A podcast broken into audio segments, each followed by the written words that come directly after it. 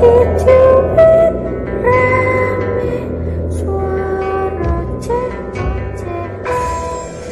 gue Arum, seorang pramugari. Gue pernah mendapatkan serangkaian pengalaman tak terlupakan saat gue beserta kru pesawat tengah bermalam di suatu daerah. Losmen kami berpemandangan indah, namun ketika malam datang, suasananya jadi menyeramkan karena penerbangan tak terduga, maka kami kebingungan untuk mendapatkan tempat menginap. Dan akhirnya kami pun menemukan losmen, tempat untuk menginap yang lumayan indah. Kami pun memutuskan untuk menginap di losmen tersebut. Kejadian janggal mulai terjadi ketika gua mau mencuci muka di wastafel losmen. Untuk sampai ke sana, gua harus melewati kloset dan shower. Tiba-tiba saja sebuah kain putih yang panjangnya dari langit-langit sampai ke lantai jatuh. Padahal waktu itu jendela kamar udah gue tutup dan hampir nggak ada angin sedikit pun yang masuk. Anehnya, kain tersebut tidak ada lagi ketika gua sudah selesai mencuci muka. Hah? Kain putihnya udah nggak ada. Udah hilang. Terus gue berpikir mungkin itu handuk jatuh. Mencoba berpositif thinking aja, karena masih beberapa malam di sana. Nggak mungkin dong kita ketakutan terus.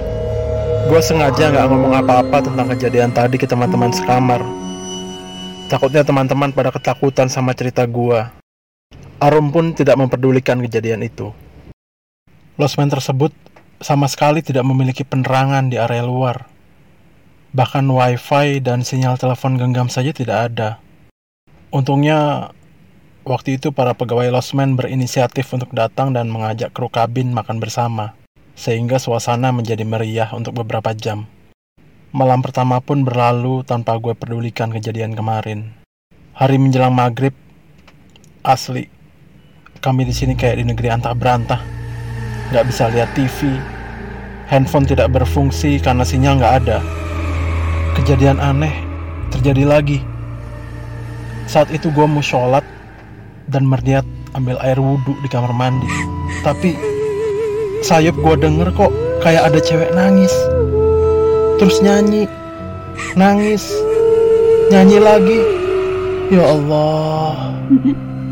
Langsung seketika itu merinding gue dengernya. Teman sekamar gue juga denger suara itu. Tapi masa iya gue nggak jadi sholat. Akhirnya kami memutuskan untuk sholat di tempat salah satu kru pesawat yang kamarnya ada di sebelah kamar kami kami bertiga keluar dari kamar dengan penuh rasa takut yang amat sangat Huh. Akhirnya kita keluar juga dari kamar. Baru saja kami menghela nafas lega, tiba-tiba lampu di lorong koridor losmen redup. Sebentar mati, sebentar nyala. Suasana jadi sangat gelap dan mencekam.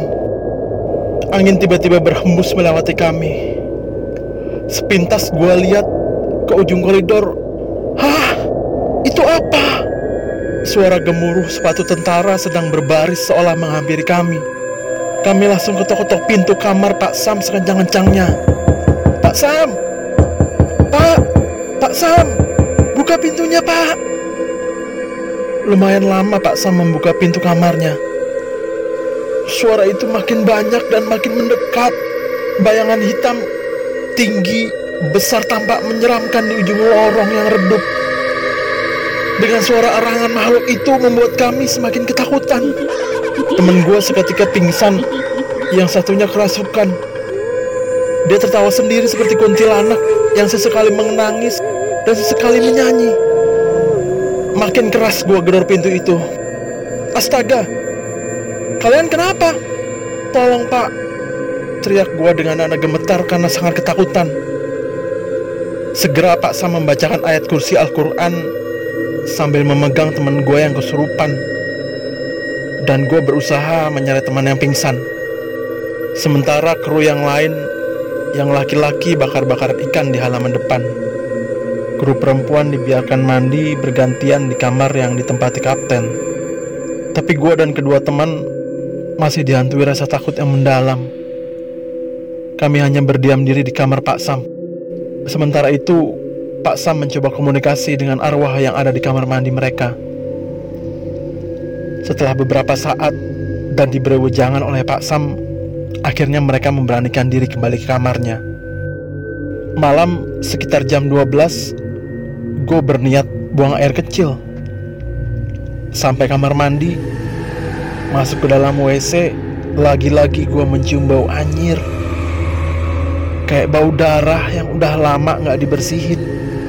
Baunya amis banget. Gue jadi ilfil sendiri dan mengurungkan diri untuk membuang air kecil. Padahal saat itu tidak ada satupun pramugari yang tengah datang bulan. Jadi bau anyir khas darah yang sangat menyengat itu sangatlah aneh dan tidak bisa diterima oleh akal sehat. Tidak cukup sampai di sana, sekitar pukul 2 pagi, seorang rekan kami yang menempati kamar di sebelah gua menggedor tembok yang berbahan baku triplek dengan kencang. Nama gua dipanggil terus menerus, walaupun gua berusaha mengabaikannya, ia tetap memberitahu pramugari itu apa yang dilihat. Rum, Arum, di depan ada banyak orang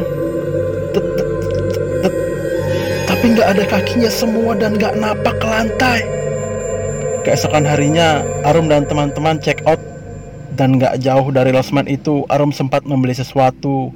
Karena penasaran, Arum menanyakan tentang losmen itu. Yang punya warung kemudian kaget. Loh, kalian semalam nginep di sana? Lalu menceritakan hal yang sebenarnya kepada gue.